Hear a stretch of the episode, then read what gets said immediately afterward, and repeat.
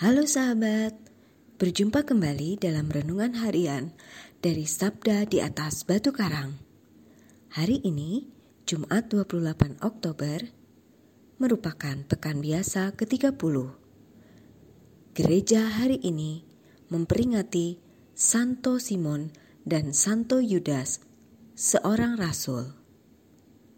Renungan kita hari ini terinspirasi dari bacaan kitab suci Bacaan pertama dari surat Rasul Paulus kepada jemaat di Efesus bab 2 ayat 19 sampai dengan 22.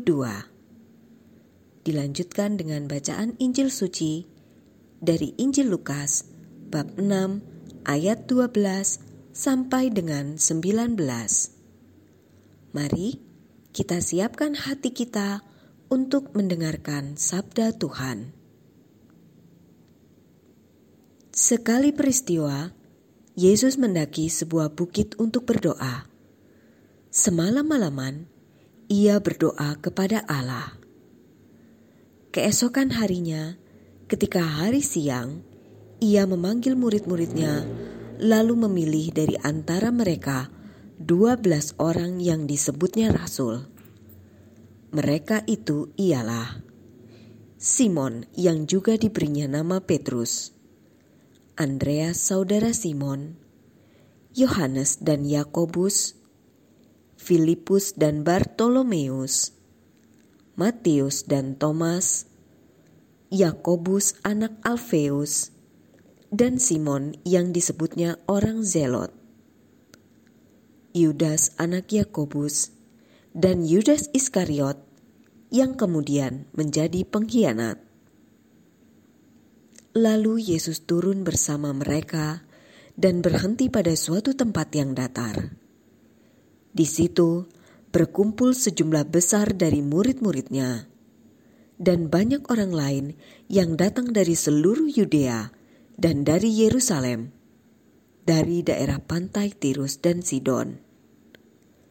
Mereka datang untuk mendengarkan Dia dan untuk disembuhkan dari penyakit mereka juga mereka yang dirasuk oleh roh-roh jahat beroleh kesembuhan. Dan orang banyak itu berusaha menjamah dia, karena daripadanya keluar suatu kuasa, dan semua orang itu disembuhkannya. Demikianlah sabda Tuhan. Terpujilah Kristus. Saudara-saudari yang terkasih dalam Kristus, suatu keputusan yang kita buat bisa berdampak besar pada kehidupan kita sendiri maupun orang lain.